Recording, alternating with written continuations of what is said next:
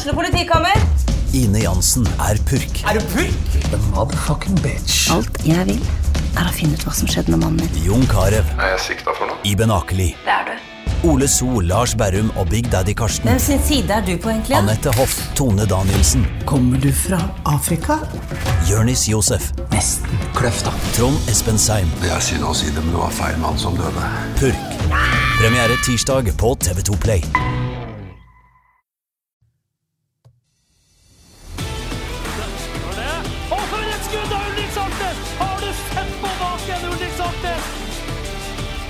Så er det skåring, og så skårer Bodø-Glimt.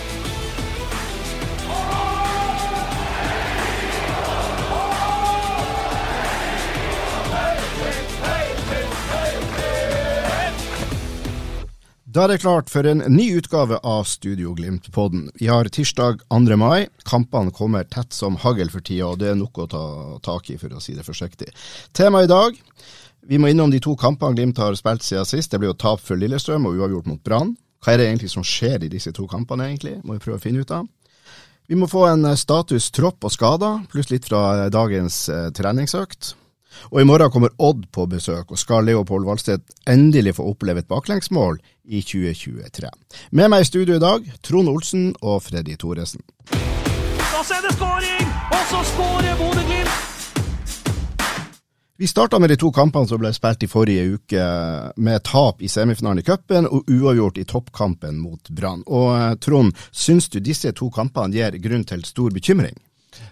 Nei, ikke stor bekymring. Eh, at Brann kommer hit og um, tar tak i kampen og dominerer såpass mye, det, det er jo gledelig for norsk fotball at det, det, er lag som tør å være tøffe og tør å prøve på det. Og så er det en utfordring for Glimt å, å knekke de kodene òg. Så um, jeg syns det, det er artig, det er gøy og det, det er bra for norsk fotball. Og så får uh, Glimt bare heve seg og, og ta de utfordringene som kommer.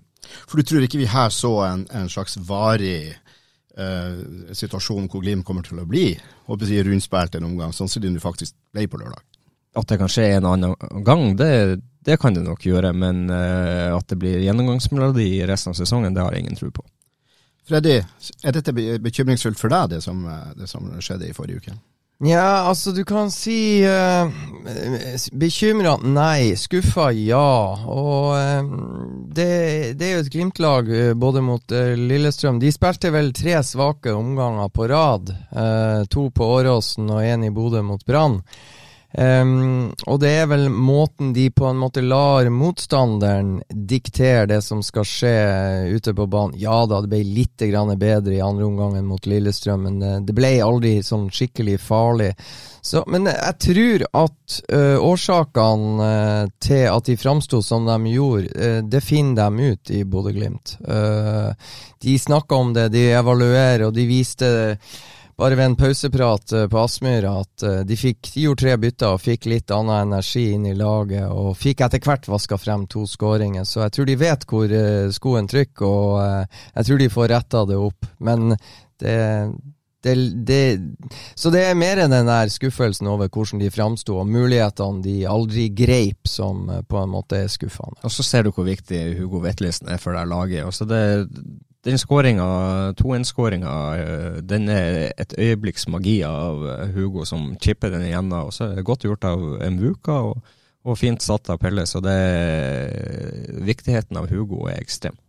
Og der har den Trond inne på, på noe veldig Altså, Hugo Vetlesen var ikke med på Åråsen. Du må ha eh, det, det var vel en ti spillere som eh, kunne vært med, som ikke var med. Og det er klart, jeg, vis meg det laget i Eliteserien i norsk fotball som har ti fravær.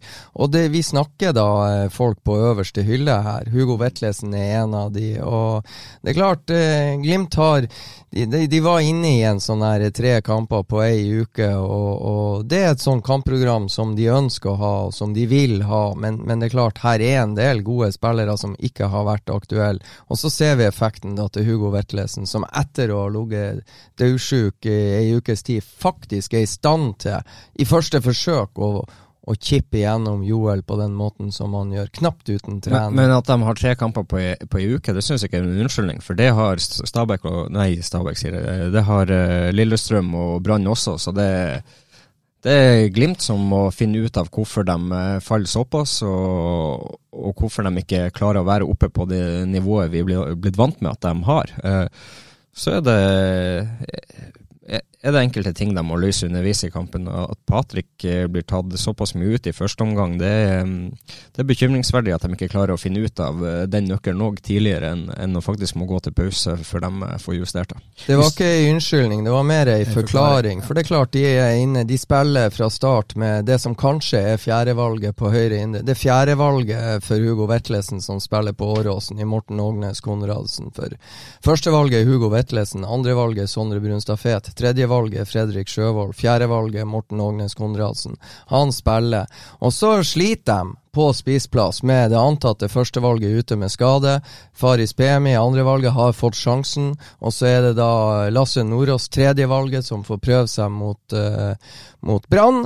Og så er det da en venstreback som prøver seg i kamp nummer tre som høyreback. Og det går veldig bra i kamp nummer én mot Ålesund. Og så blir det vanskeligere og vanskeligere, for han er så venstrevridd, Adam Sørensen, at det blir vanskelig for han, og det blir vanskelig for lagkamerater. Så mer ei forklaring og ikke ei tåpe tåpelig bortforklaring, for å si det sånn, og ei unnskyldning. Men jeg tror, med all respekt å melde, at ok, 1-0 jeg hadde ikke vært sånn. Jeg syns ikke Lillestrøm imponerte meg. John Akor Adams imponerte meg. At han klarer å skape ei skåring ut av ingenting og, og finne Thomas Lene Olsen sånn at Lillestrøm er i stand til å skåre to mot syv. Der er Lillestrøm i stand til å skåre det ene målet som de trengte for å spille seg til cupfinale. Glimt klarte ingenting, men jeg tror Glimt kommer til å klare steike mye mer etter hvert. Og så heva de seg etter å ha fått justert litt uh, i pausen mot Brann, men uh, Det var litt fascinerende å se kampen på lørdag mot Brann, fordi det var ikke bare Patrick som ble tatt ut. De tok jo ut indreløperne også, og du så jo når backene kom, både Fredrik André, men også Adam, når de kom frem så hadde de ingen å slå på. Det var helt stille. De, måtte, de sto bare nesten og, og, og, slo ut med hendene. Visste ikke hvor de skulle altså, det, det, var så, det ble sånn bråstopp. Så, så Brann klarte på en eller annen merkelig måte å, å sette Glimt i en posisjon som ikke jeg kan huske jeg har sett det i. på. Uh, Fredrik har vært vant til å få mye rom inn, innover i banen. Nå ble han, ble han låst utover, og spesielt i første omgang så, så lot han han gå utvendig, og så satte de et hardt press på han og, og fikk flere gunstige brudd på han. Mm. Det og det handler litt med, med litt annerledes bevegelser på Albert Grønbæk, som ikke hadde sin aller beste dag i Glimt-trøya. Patrick Berg blir låst av og ut av kampen. Eh, Morten Ågnes Konradsen klarte ikke å prestere på det nivået som vi så han mot Ålesund. Og så sprer denne usikkerheten seg. Men det som er problemet, de 10-11 som eh, starter denne kampen for Bodø-Glimt, de lar Brann diktere kampen istedenfor at Og, og Brann får det inn på sine premisser istedenfor at Glimt da skal få kampen inn sånn som de ønsker. De klarer det ikke i det hele tatt, for at alle blir litt for passive og la på en måte gjestene fra Bergen ta kommandoen, og levde steike godt med det i 45 minutter. Det som jeg også tenker er at det Brann får til, får de til fordi at de har veldig mange gode fotballspillere. Så de kan tillate seg å gjøre det her. Jeg tror ikke det, et annet eliteserielag på et hvilket som helst nivå bare kan kopiere det som Horneland og gjengen hadde planlagt eh, i Bodø på, på lørdagen. Nei, men de har jo På mange måter så, så ønsker de jo å, å fremstå uh, som Glimt, uh, på, på, litt andre premisser, men, men mye er likt. Og det, det Brann får til, syns jeg er veldig imponerende. De, uh, de, merker at de får kampen inn i det sporet de, de ønsker, og så spiller de på seg trygghet, har entusiasme, entusiasme og, og, en, og en mye større vilje i første omgang til å til, til, å spille god fotball og, og angripe Glimt. og Det, det syns jeg de, eh, de, gjør på en veldig veldig god måte. og Det, det ble jo utfordring for Glimt som de ikke klarte å, å, å, lyse spesielt godt før pause. og Så er det litt eh, underveis hva de gjør, Glimt, og hvordan de skal få justert seg inn kjappere for å komme mer inn i kampen. For i, i, i første omgang så ble de springende veldig, veldig mye etter. Mm, og det er jo så uvant. Ja, det er uvant, og det er jo det som, eh, det er, jo det, som er det uvanlige. At Lillestrøm får herje som de vil, og at Brann også i Bodø får lov å herje som de vil. Og det var jo de torde å stå høyt, og de tør å låse av presset, og de lykkes med å låse av presset. Så er kanskje på en måte problemet til Bodø-Glimt er at uh, med de spissene de har eh, brukt uh, her i innledningen av sesongen, så, så funker ikke den uh, låsinga av press som Glimt ønsker å sette, og det er ikke den samme kjemien i midtbaneleddet defensivt som vi har vært vant til å se. Det blir litt sånne hull, og så smuldrer det opp, og så blir det i og med at det ikke funker helhetsmessig, så, så, blir det litt sånn passivt. Jeg tror ikke det skorter på vilje og, og kraft og sånn, men jeg tror på en måte Brann på et vis suger energien ut av Bodø-Glimt med at Bodø-Glimt blir stående litt passiv og avventende å se på. Så lykkes Brann egentlig å rulle og holde ballen i lag og spille på seg mer og mer trygghet, og så må det en pause til for at uh, ja, de knekker noen koder. Det, det kan være så Glimt fikk inn Hugo, ikke sant. Og da ble det straks litt verre for, for Brann. Og, og fikk justert det toppresset litt. Ja. Grann. Og, det, og, det, er et kjempeproblem, for i første omgang så blir de tre på topp. De blir spilt altfor enkelt av og mm. uh, gir, gir, bort for store rom. Og uh, ja, uh, tror, det fungerer ikke godt nok til det. Jeg tror også det, det, var ikke bare Hugo som kom inn. Fredrik Sjøvold kom inn og, og var med og endra kampbildet litt grann med å ta litt drittjobber og være litt synlig og være litt tøff i trynet. Så var Omar El Abdullawa Han har ikke spilt mange fotballkamper de siste halvannet årene, men vi ser jo det allerede mot Brann at han er en ganske god høyreback som er litt mer komfortabel på høyrebacken enn Adam Sørensen. Vitterlig. Ja, og der, eh, når de gjør det byttet, så skulle jeg egentlig ønske at Adam ble satt over på venstre i, i denne kampen, for jeg syns ikke Fredrik André har hadde en god innledning på denne sesongen. Han har ikke levert uh, det vi vet at han kan forvente. Og, uh, hvorfor får ikke Adam den muligheten til å, å, spille de siste 45 på venstre? Det, det er et godt spørsmål, og det, mm. det, det, forundrer meg litt. Det, var jo, det kunne ha gått riktig så bra. Jeg vet ikke om dere husker det skuddet som, som Hugo har rett før det blåses av. Jo, jeg husker det. Jeg så det nede fra indre bane. Jeg så det i reprise på TV i går og leita etter ja, om det var noen bevegelser han kunne ha tredd igjennom der. Eh. Men jeg skjønner Hugo godt. Han, eh, han, var i glansdagene i sesongen i fjor, så hadde han jo limt han i krysset. Hadde han ikke vært sengeliggende, så regner jeg med han hadde sunget i krysset fortsatt. Så er vi jo inne på det her med marginer. Det er også Brann er fire mot to eh, rett før eh, 2-1 eh, og kan gå opp til 3-0. Og så velger de heldigvis å, å gå på et skudd istedenfor å spille en ut av de to andre alene med keeper. Så ja, det er marginer, det er valg, og det er de, de, de få sekundene der eh, som, som, gjør at du vipper kampen i din favør. Hadde Brann gått opp til 3-0 der, så hadde det mest sannsynlig vært uh, game set match. Uh, Mm. Det, det gjør de ikke. Nå sikter sikta Trond Olsen til Mathias Rasmussen, som har en forrykende venstrefot, og heldigvis så limer han den i klypene til til Nikita Aiken. Men det var også en overgang med Aune Heggebø på stillinga 2-1 til Brann. Som, som, en spiss med, i superform, og en Aune Heggebø i superform, hadde på en måte eh, utnytta ganske mye bedre enn han gjorde. For han kommer helt fri, har løp rundt seg, og så skal han ta én touch for mye, og da blir han sopa opp av Glimt sine forsvarsspillere. Så de hadde faktisk to muligheter til å drepe den kampen og de grep ingen. Men da dommeren blåste av, så føltes det, til tross for at det ble uavgjort, så føltes det nesten som en liten sånn seier. Og folk var jo lettet eh, på, på Aspmyra. De, det var jo i hvert fall veldig mange publikummere av den det var i hvert fall var, eh, var, De syns jo det, var, det, ble bedre enn frykta? De hadde det steike mye artigere enn uh, nest siste serierunde i 2021, da Brede Mo gir Bodø-Glimt ledelsen 1-0 etter 4 minutter, og Ulrik Saltnes øker til 2-0 etter 67 minutter. Og så er det av alle ting her i verden, redusering Niklas Jensen Vassberg 2-1. Jeg tror vi er på 80 minutter, og vel så det. Og så kommer Bård Finne inn og gjør 2-2 i sluttsekundene, og sørger for at Glimt-fansen måtte vente til bortekampen mot uh, Mjøndalen for å juble for seriegullet. Og det artige var jo at det var Jensen Vassberg og Bård Finne som skåra denne gangen og sørga for at Brann leda 2-0, og da var det vel ikke mer enn rettferdig, da, Trond? At det var de som fikk en i sekken på overtid av Amahl Pellegrino.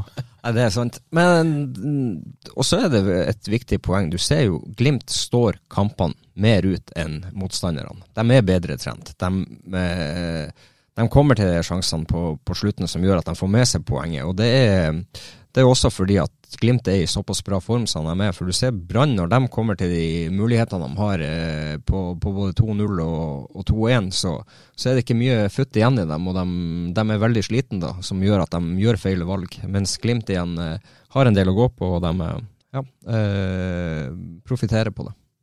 Det var andre ting som skjedde i denne runden som egentlig ble på en måte i en slags Glimt-favør. og Da tenker jeg selvfølgelig på at Stabæk eh, eh, sikra seg en seier på bortebane mot Molde. Vi anser jo fortsatt Molde for å være den sterkeste gullkandidaten, selv om det kan høres litt rart ut nå, da. Men det var jo interessant. Jeg så ikke den kom, og, og eh, det var jo en uh, merkelig kamp. Molde tar ledelsen tidlig, og Stabæk utligner, og der dukker selvfølgelig opp en VAR-situasjon der som uh, som er diskutabel. Der er vel en Gelmyden som er å stemple Christian Eriksen oppe i nakkeregionen eller skuldra. og Får lov å fortsette, og heldig for Stabæk, men eh, jeg må si den avslutninga til Kevin Kabran på, på overtid Sist han gjorde det, var på Aspmyra i fjor som vikingspiller. Da hadde han vel to sånne hysteriske avslutninger. Da måtte han reise hjem med tap takket være Hugo Vetlesen. Men uh, denne gangen kunne han reist fra Aker stadion som matchvinner. Og det var sterkt av Stabæk, det må jeg si, å smake litt på den. Bodø-Glimt 4-0 mot Stabæk, og Molde taper 2-3. Jeg vet ikke om styrkeforholdet er der mellom lagene. Vanskelig å si. Hva du tror du, Trond? Nei, jeg tenker jo det at hver kamp lever jo sitt eget liv, og det eh, Jeg sier det at uh, det er mange lag som skal opp til Tromsø, og der, eh, der, er det mange som kommer til å slite, og Molde var der i første runde. Og det er klart at når Stabæk skal til, til Molde og spille der, så, så vet du at du må ta vare på sjansene dine, og du må score på det du får. og det det, det, er litt sånn eh, Det lever sin, sitt eget liv hver enkelt kamp, og, og, og, du må være på stasjonen når toget går for å ta de poengene. Og eh, Nei, men sterkt av Stabæk, det må jeg si, å vinne 3-2 der. Odd eh, Rosenborg 0-0. Odd som kommer opp til Bodø, har altså vunnet 2-0 mot Brann i Skien. Bortsett fra det så har de gjort tre kamper, og alle har rent 0-0. Sarpsborg, eh, Nadderud 0-0, også mot Rosenborg 0-0. Så jeg vet ikke om du fikk med deg siste kampen i serierunden. Vålerenga mot Lillestrøm, som oh. Bodø-Glimt tapte mot i semien. Jeg vet ikke om du syns det var noe artig kamp, Trond? Nei, men, men, men for, for, et trøkk, for et liv. Altså, for en oppbygning til den kampen, med bluss og hele pakka. Det, jeg elsker å se sånne bilder, og ser gjerne mer ut av det. Det, det er lidenskap på høyt, høyt nivå. Å gå på stadion som publikummer, og som spiller, ikke minst, og, og få oppleve det, det, det er helt rått. Ja, hadde jeg vært på Intility, så hadde jeg sittet meg på Eller hvis jeg skal til Intility og se Vålerenga og Rosenborg, så skal jeg sette meg på ei langside, for da har jeg god utsikt til, til blussene bak mål. For det var fantastiske TV-bilder, det må jeg si, og en hysterisk kamp. Hysterisk er jo bare fornavnet. Det er jo, eh, jeg skjønte jo Fagermo litt grann da han var litt skuffa, skuffa etterpå. Han eh, følte seg bortdømt, den annullerte skåringa på, på 3-2 til, eh, til Vålerenga. Så får de annullert ei skåring.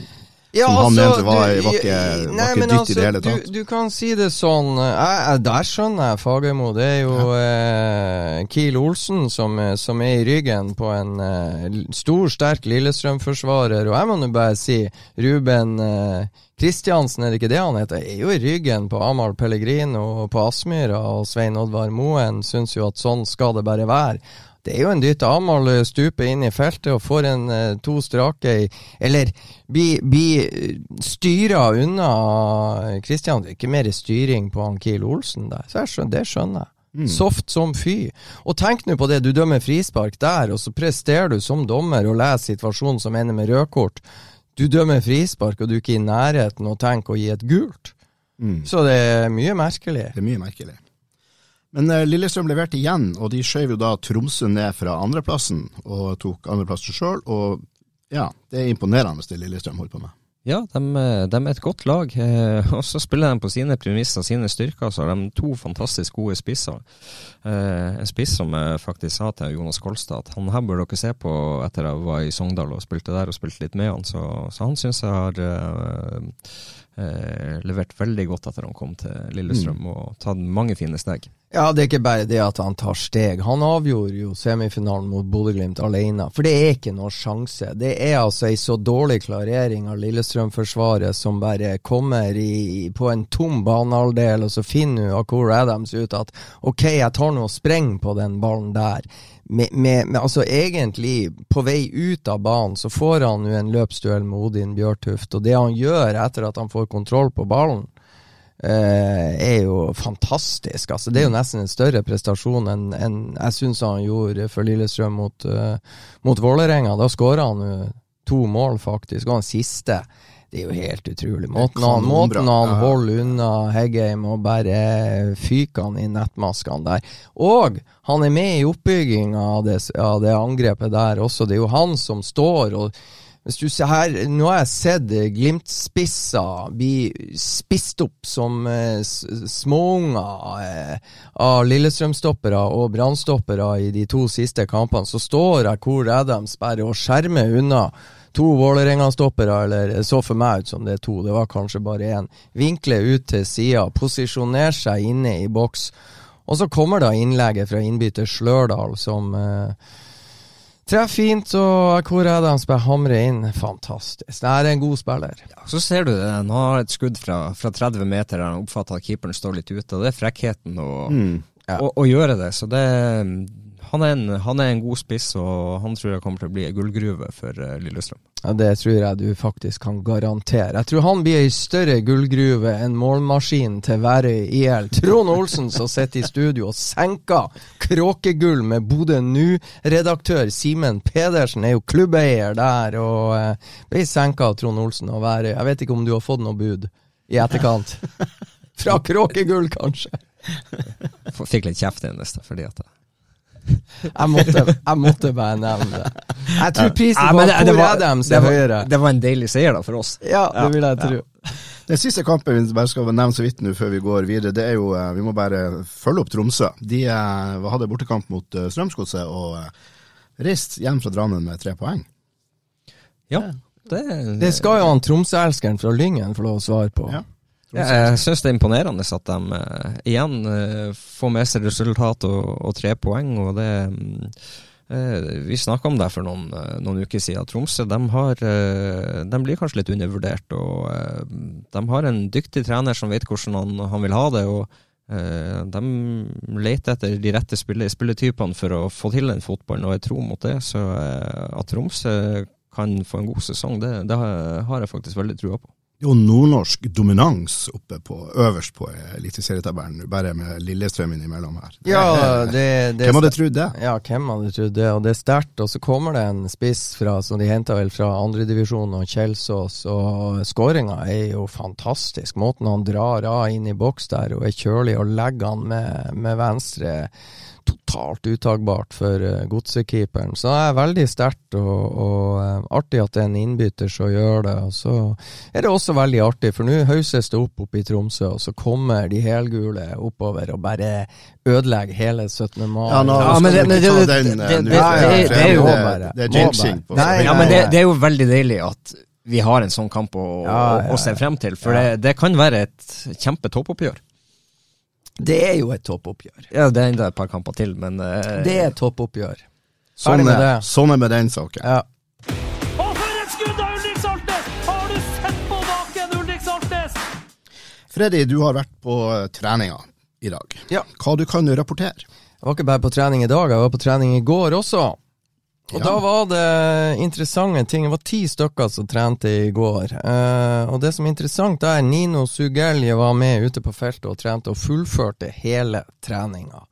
Brede Mo var på feltet, fullførte hele treninga.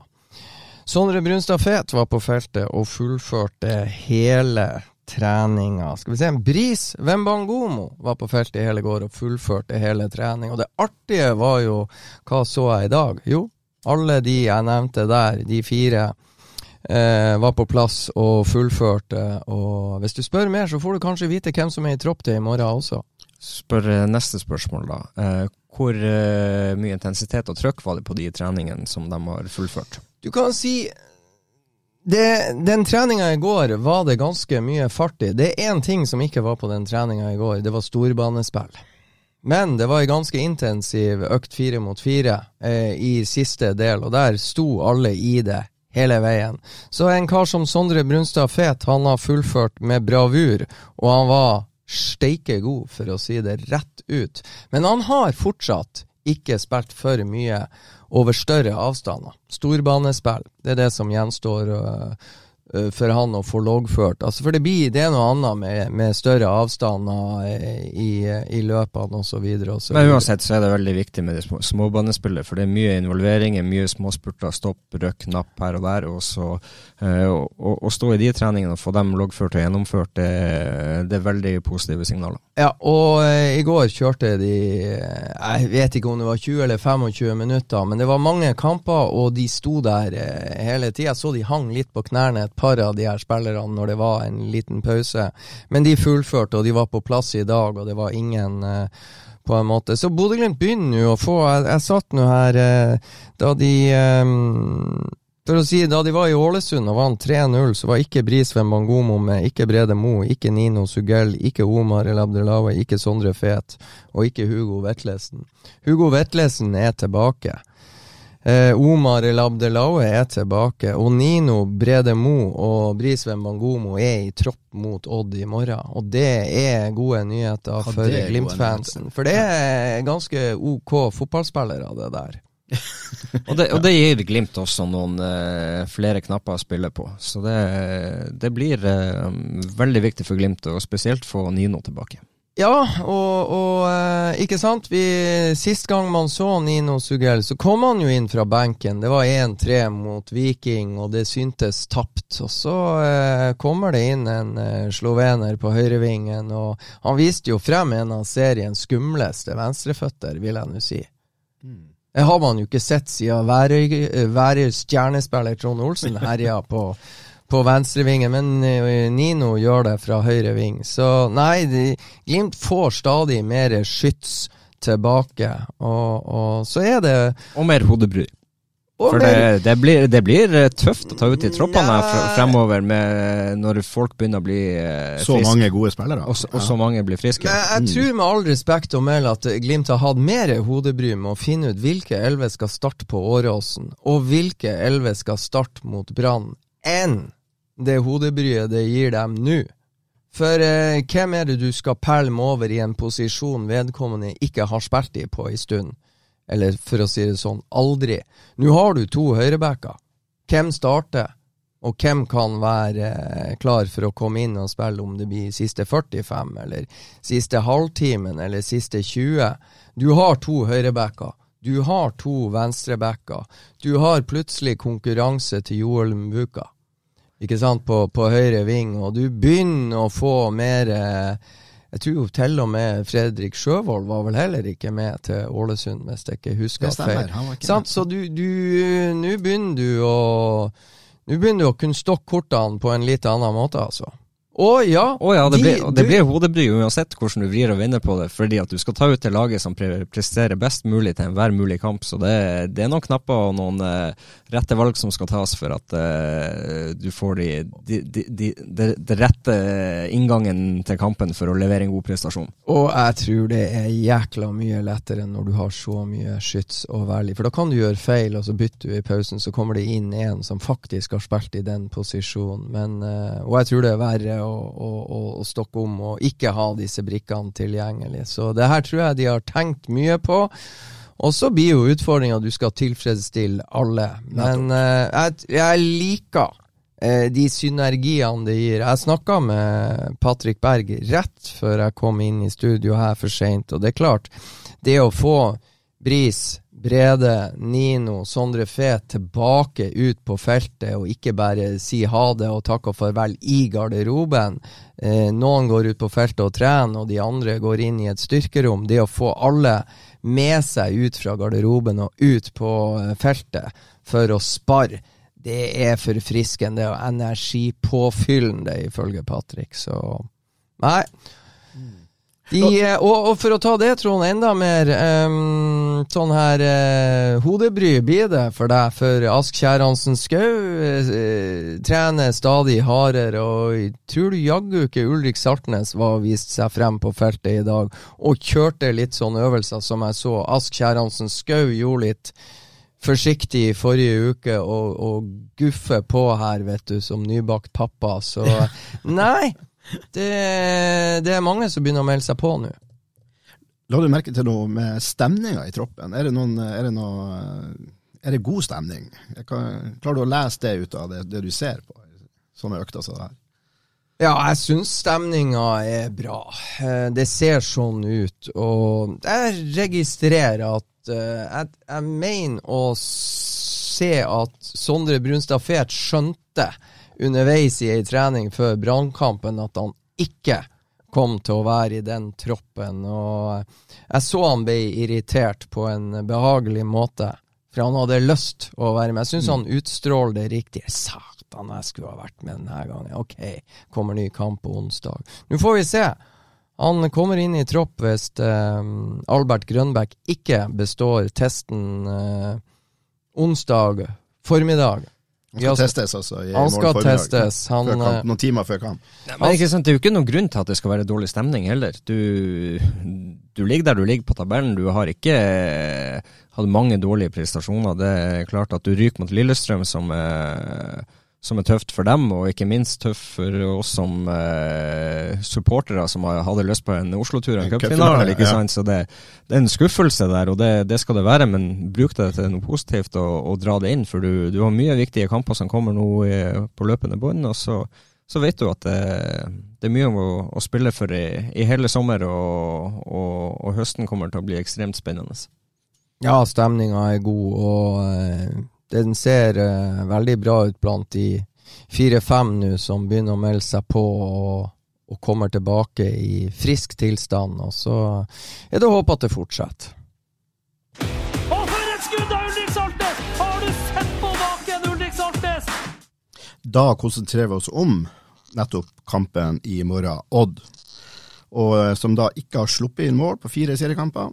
Leopold Valstedt får jo enormt skryt, og det er jo fortjent. Altså, det er fire clean sheets, og, og du har ikke mangla på sjanser. Han har vært god. Han har vært fantastisk. Ja. Ingen tvil.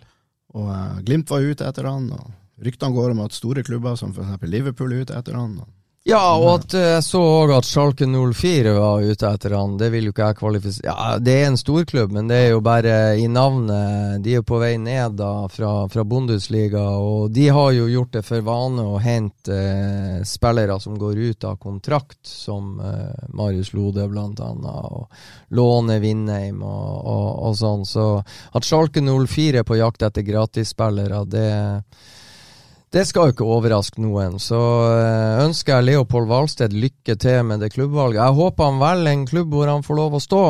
Mm. Det tror jeg ikke han får i Liverpool, hvis han skulle velge de.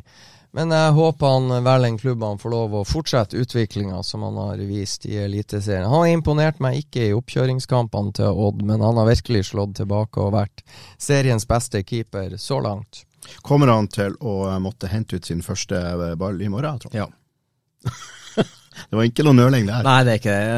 Eh, Glimt skårer alltid mål, så eh, bortsett fra på Åråsen. Men uh, nei, hjemme så kommer Glimt til å, å skåre mål i morgen. og det, det, Jeg tror nok han må, må gå i, i nettet i hvert fall én gang. Ja, jeg tror egentlig han må hente tre baller ut av nettet fra Amahl Pellegrino. alene. Er det 7-0-seieren fra Nei, da, fjor vi, du har i bakhodet, eller hva er det som gjør deg så Vi skal ikke være eplekjekke. Året før der så ble det vel 2-2. Eh, Odd, eh, Odd, har vært et lag som eh, Det er ikke bra, det her. Det blir jo uavgjort i morgen. For det at, eh, de, det de, de har vært vanskelig å skåre på i, i starten av sesongen.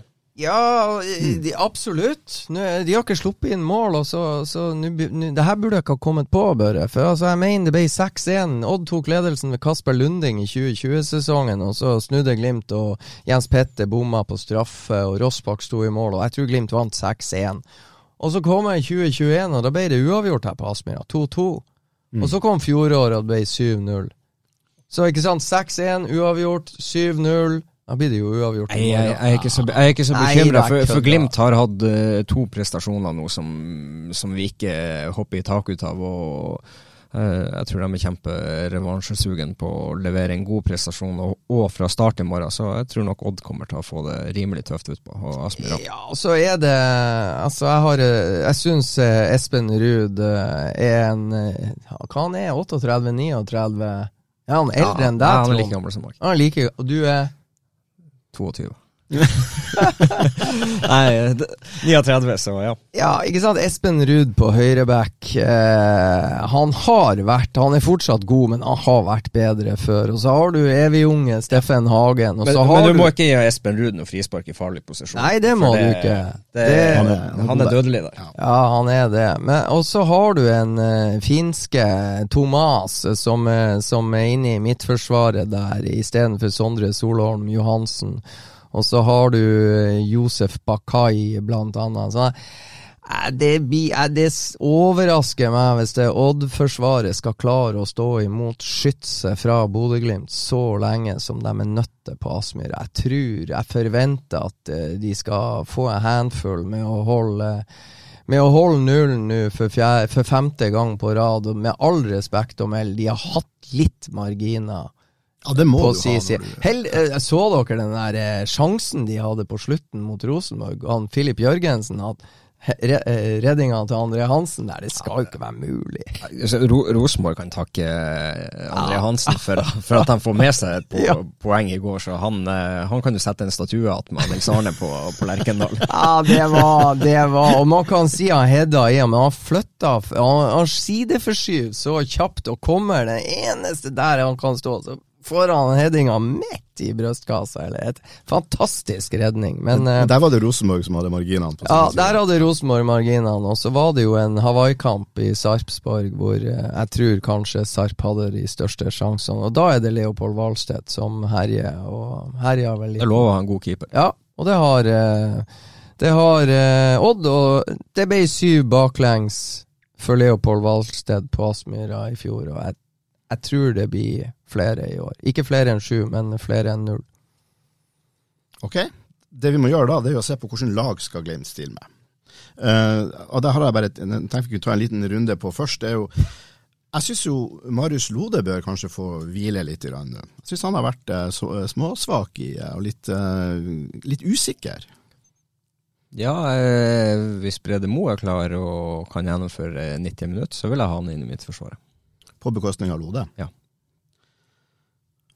Freddy, du ser veldig Ja, skeptisk ut. eh, nei, altså Jeg registrerer jo uh, verden rundt meg. Jeg har ikke noe problemer hvis Odin og Marius Lode spiller. Uh, jeg er, er vel i motsetning til enkelte, så, så syns jeg Marius Lode er bedre enn han har rykte for å være. Jeg, det er så interessant. Det er jo det at hver gang Stian Høgland eller jeg eller noen setter børs på Bodø-Glimt i Avisa Nordland, så ser jeg at det er én spiller som får alle spillere får høyere enn karakter enn vi gir dem. Marius Lode får alltid én eller to karakterer mindre. Så hva han har gjort for å bli så upopulær blant sine egne, det skjønner jeg ikke. Og jeg syns han blir Jeg syns han sprenger på en annen måte. Trond Olsen hadde en god observasjon hjemme mot Viking. Han sprang som det så ut som han hadde et spett i ræva, altså, eh, og så ganske treg ut. Men jeg syns han sprenger litt eh, lettere. Jeg syns han eh, Han tapte én duell eh, mot en slu Lillestrøm-spiss, men det var ikke på farta, det var på styrke han tapte den. Men jeg syns han gjør ganske mye bra. Så har han ei og anna feilpasning eh, i det oppbyggende spill. Eh, men jeg syns han gjør veldig mye bra. Men han, si mener du han er blitt en slags hakkekylling? At det er han som eh, man Nei, men, men eh, hakkekylling Ja, altså, mens alle vil ha Isak Amundsen inn fra start Den ene fra Altså, alle som jeg prater med, vil ha Isak inn eh, fra start. Eh, så registrerer jeg at Kjetil Knutsen gjør som han gjør. Men jeg syns eh, Marius Lode får ufortjent mye pass. Eh, jeg syns det er en del andre spillere som gjør det langt, langt, langt dårligere enn Marius Lode. Og da kan jeg jo si på spissa. Glimt har jo spilt uten spiss både mot Lillestrøm og Brann. Det er nå bare en observasjon jeg gjør. For ikke er det noen av spissene som har vunnet ett oppspill mot Lillestrøm. Ikke er det noen av spissene Jo, Faris Pemi, som var hjelpeløs mot Lillestrøm, han vinner faktisk det ene oppspillet som bidrar til at det blir 2-2 mot Brann. Mm. Sant? Der gjør han Altså, den, den duellen vinner han, og det gir og det er veldig bra. Men jeg syns Glimt har spilt uten spiss i to kamper. Jeg er mer der. Og jeg tror én ting er å vinne oppspill, en annen ting er å binde opp stoppere, og en tredje ting er å komme til avslutninger, og en fjerde ting er å sette presset, sånn at det, presset til Bodø-Glimt, sånn at uh, resten av laget kan uh, Men da er spørsmålet mitt, hvis eh, Brede Moe er klar, vil du at han bare skal bli på benken da, og Marius og Odin skal fortsette? Jeg har ikke noe problemer med å sette inn Brede Mo. Hvis han er klarert for spill, så kan jeg Jeg syns jo Brede Mo er den beste stopperen i Bodø-Glimt. Så da bør han starte, hvis han er klar. Og, hvis han, og det, det er jeg enig med deg, Trond. Hvis han er klar, så bør han inn, og så bør han eh, være sammen med, med Bjørtuft. Det hadde vært det ideelle stoppeparet hvis, hvis Brede er klar. Ja, og så vil jo jeg gjerne se Adam på, på venstreback, eh, fordi at jeg syns han er såpass spennende som han er, og jeg syns ikke eh, Fredrik har levert det vi vet at han kan. Eh, så kanskje det har vært greit med en liten pause for, for Fredrik, og få hente seg litt inn, og ja, få, få kjenne litt på at det kreves enda mer for å, å ta den plassen. Jeg er litt, litt enig i den. Så tror jeg kanskje, hvis det ikke skjer, så tror jeg det kanskje skyldes at Adam har vært fokusert i tre kamper på start som høyreback, og det der å bare trykke på en knapp og, og, og skal over. Men jeg er enig med Trond. altså Fredrik Andrea Bjørkan hadde ingen god dag på Åråsen. Jeg syns ikke han hadde noen god første omgang mot Brann. Så syns jeg han kommer gradvis med som resten av laget. Og, og, og jeg kjenner han mer igjen utover i andre omgang enn um, på lørdag, altså. Men, men uh, jeg skjønner hva Trond sier. Men, men, men, men jeg tror ikke det kommer til å skje, fordi at uh, de er veldig opptatt av de relasjonene. Og sånn som det har sett ut i, de, ja, i tre av de fire omgangene, så, så har ikke relasjonene sittet så fryktelig godt. og Derfor tror jeg de vil beho- beholde ei venstreside som uh, er ganske lik ennå. Jeg tror kanskje det, det er litt der. Altså det er relasjoner og dyrke det. Og, og, og så blir det det som blir spennende, da. Det er jo med, med Bris, med Brede, med Nino, Omar, Sondre Fet og Hugo Vetlesen som begynner å melde seg på. Ja, Hugo kommer jo til å starte uansett, så det er vel det eneste vi kan si helt sikkert. Um, men jeg, eh, det, det blir veldig interessant her nå fremover. Eh, Odd, og så er det Lillestrøm til helga, og så er det Rosenborg, og så er det Tromsø. De kommer jo, Hvordan brikkene blir stokka, ikke bare mot Odd, men også i de kommende kampene, blir uhyre interessant. Eh, Men vi, har, vi er nå at vi kjører eh, Omar da på, eh, på høyrebekken. Så er vi litt uenige om stopperne. Og så- Ja, jeg er litt, litt sånn usikker på Omar. Jeg, jeg syns det så ut som han hadde litt problemer med, med en fot her i, på slutten av andre omgangen, før han ble bytta ut. ja, ble han bytta ut pga. skade, eller ble han bytta ut pga. taktikk? Jeg tror han eh, Det har jeg ikke spurt sånn eh, Jeg tippa han ble føre var, altså. Jeg tippa det som er føre var. Det ble noen løp. Det, det er det her, Nå er vi inne på det der. Omar El Abdelavo og Sondre Brunstad Fet har vært ute av spill eh, i over ett og et halvt år. Og jeg tror, eh, ikke sant, Trond er inne på det, det er helt rett. Når du spiller fire mot fire og korte avstander osv., osv., det blir noe annet for musklene eh, belastningsmessig når du har tatt Han hadde jo en autostrada opp Omar El Abdelawi, ikke sant, fra egen 16-meter til motstanderens 16-meter i ganske stor fart. Og jeg tror etter en halvtime, 35 minutter med den belastninga der, fra boks til boks, ikke sant, langs høyre. Så, så jeg tror det er noe, bare for å være helt på den trygge sida, sånn at ikke han ryker på en strekke av et eller annet slag uh, som gjør at uh, for, Og grunnen til at jeg resonnerer som jeg gjør, er Han trente i går sammen eh, eh, Nei, han var og jogga rundt eh, forsiktig i går, og så, og så eh, trente han for fullt sammen med resten av laget i dag. Eh, Men jeg bare registrerte det jeg så i kampen, og det så ut som han hadde et eller annet uten at uh, det trenger å være noen ting. Eh, så, eh, så hvorfor han ble tatt ut, og, og hvorfor de gjorde som de gjorde, det, det har jeg ingen anelse på. Men um, Kanskje, kanskje det var dødballstyrken til Brede Mo. det kan være. Men vi har en midtbane, og der er det jo, du, som du sier, hvis Hugo er klar, så spiller han selvfølgelig, og Patrick spiller jo selvfølgelig. Hva med, med Albert? Ja, Albert skal testes på trening i morgen. og Hvis han, eh, Hvis han ikke kan starte? i, I dag kunne han ikke ha starta. Men eh, dansken håper jo Jeg har bilde av han her, og han eh, I dag kunne jeg ikke ha starta. I morgen jeg kan godt hende jeg kan. Jeg føler meg bedre. Han har fortsatt vondt, sier han, og det er første gang han har en smell i denne ankelen der. Og da, Trond, første gangen du får en liten overtråkk i ankelen, gjør vel ganske mye vondere enn fjerde gangen. Ja, det er definitivt. Og så er det litt eh, Hver dag har uh, veldig stor betydning. Og hver dag som går, så, så blir du betraktelig bedre. Så det er jo hvordan han klarer å behandle den fortest mulig, og uh, hvordan han får minst mulig smerter i den. Og, og ikke minst at han stoler på og tror på den. For det, jo, det handler jo litt om det, uh, det som sitter i hodet. Og da er det så, så Albert kan starte. Hvis ikke Albert starter, så blir det Fredrik Sjøvold. Og hvis ikke Albert kan starte, så kommer Sondre Brunstad Fet inn i tropp. Hvis Albert kan starte, så er Fredrik Sjøvold på benken. Eh, og eh, Sondre Fet på tribunen. Så det er det spennende. Og så har vi angrepsleder, da. Ja. Hvem vil du ha som spiss? Jeg vil ha Runar Espejord, men han eh, er ikke spilleberettiget eller klar. Nei, men det er bare hiv Isak som spiss. Ja. Ja, hvorfor ikke? Ja, nei, Isak, eh, Isak Jeg flirer godt når Isak Helstad Amundsen ble uh, satt opp som spiss fra start mot Harstad i cupen i fjor, men eh, Isak Amundsen gjorde det forbilledlig. Og eh, Isak Amundsen har blitt kasta inn, senest i en eliteseriekamp i Skien i fjor mot Odd, eh, i sånn her nødløsning, og han hedda jo ballen så inn i vinkelen bak eh, Leopold Hvalstedt, som det er umulig å score på. Det hever jo skåringa til headinga til Isak Amundsen til nye høyder. Men det var jo fantastisk heading, og så presterte Glimt å gi vekk et straffespark etter det igjen. Og det her var jo langt inne på tilleggstida. Så eh, nei, jeg skjønner hva Trond sier, og, og de lemper han frem. Eh, Isak Amundsen og Lasse Nordås som spisser på Åråsen i cupen, men eh, de klarte jo ikke å slå et innlegg.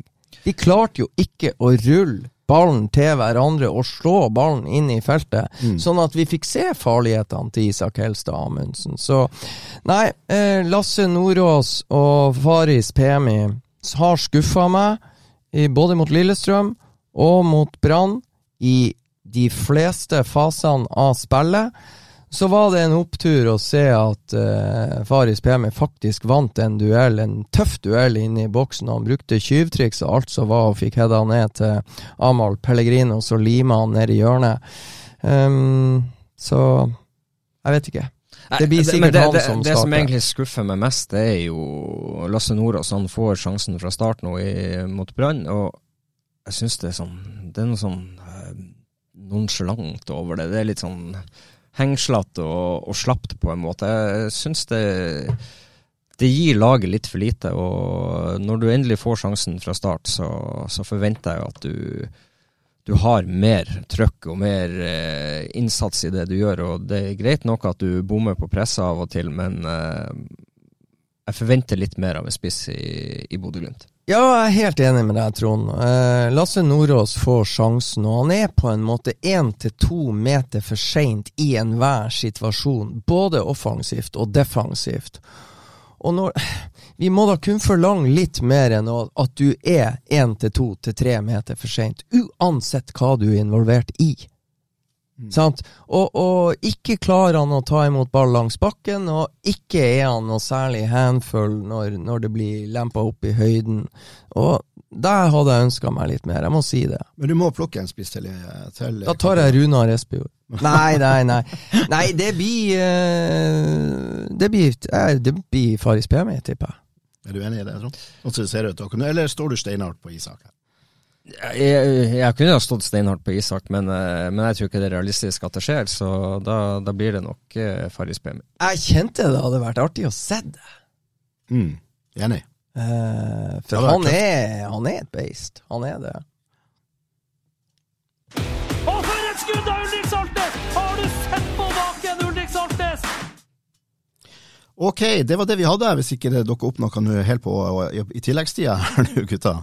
Så var det dagens Jeg forventa at Trond Olsen skryter litt av tomålsskåreren til Værøy som eh, Hvordan var skåringen? Kom an, slå deg løs. Det var tappins, så det var enkelt og greit. Sånn typisk Amahl Ja, det var på, på rett plass til rett tid, og, og lukta det, så det Nei, det var God følelse. ja, veldig god følelse, Ja. men, eh, men ja, det var, det var enkelt. Og det, det var litt artig, for keeperen deres sier underveis i kampen at de kan ikke skåre på noe annet enn tap-ins. Nei, nei, greit, vi gjør det to ganger, og vi vinner.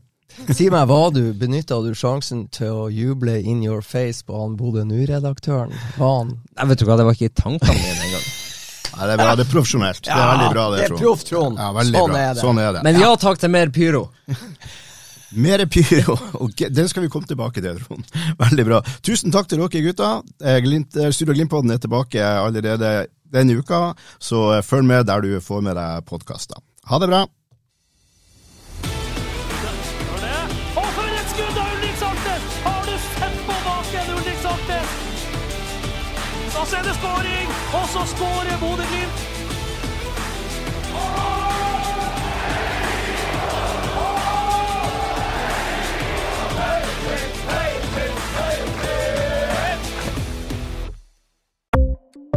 Ukens annonsør er HelloFresh. HelloFresh er verdens ledende matkasseleverandør og kan være redningen i en travel hverdag. Mange av oss har nok vandret i butikken både sultne og uten en plan for middagen, som ender med at vi går for de samme kjedelige rettene gang på gang. Middag burde være dagens høydepunkt. Som HelloFresh kan du nå velge mellom 25 ulike retter hver eneste uke, eller få HelloFresh til å sette sammen menyen for deg. Dette gir deg muligheten til å prøve nye og spennende retter alene eller sammen med familien. Du velger antall porsjoner og får alt levert på døren på et tidspunkt som passer for deg. Oppskriftene er enkle, og maten er lett å lage både for store og for små. Ved å få alt levert hjem får du også mer tid til å dele matgleden med familie og venner. Kanskje det frister med asiatiske tacos eller greskinspirert kylling? Da kan jeg anbefale deg om å gå inn på hellofresh.no. Her kan du bruke koden FOTBALL og få opptil 1779 kroner i rabatt på de første fem matkastene hvis du ikke har prøvd HelloFresh tidligere. Du kan også bruke rabatten hvis du har vært kunde og stoppet abonnementet ditt for tolv måneder siden eller lengre. Gå inn på hellofresh.no og bruk koden FOTBALL.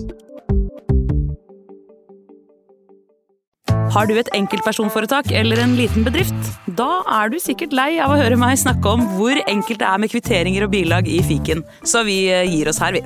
Fordi vi liker enkelt. Fiken superenkelt regnskap.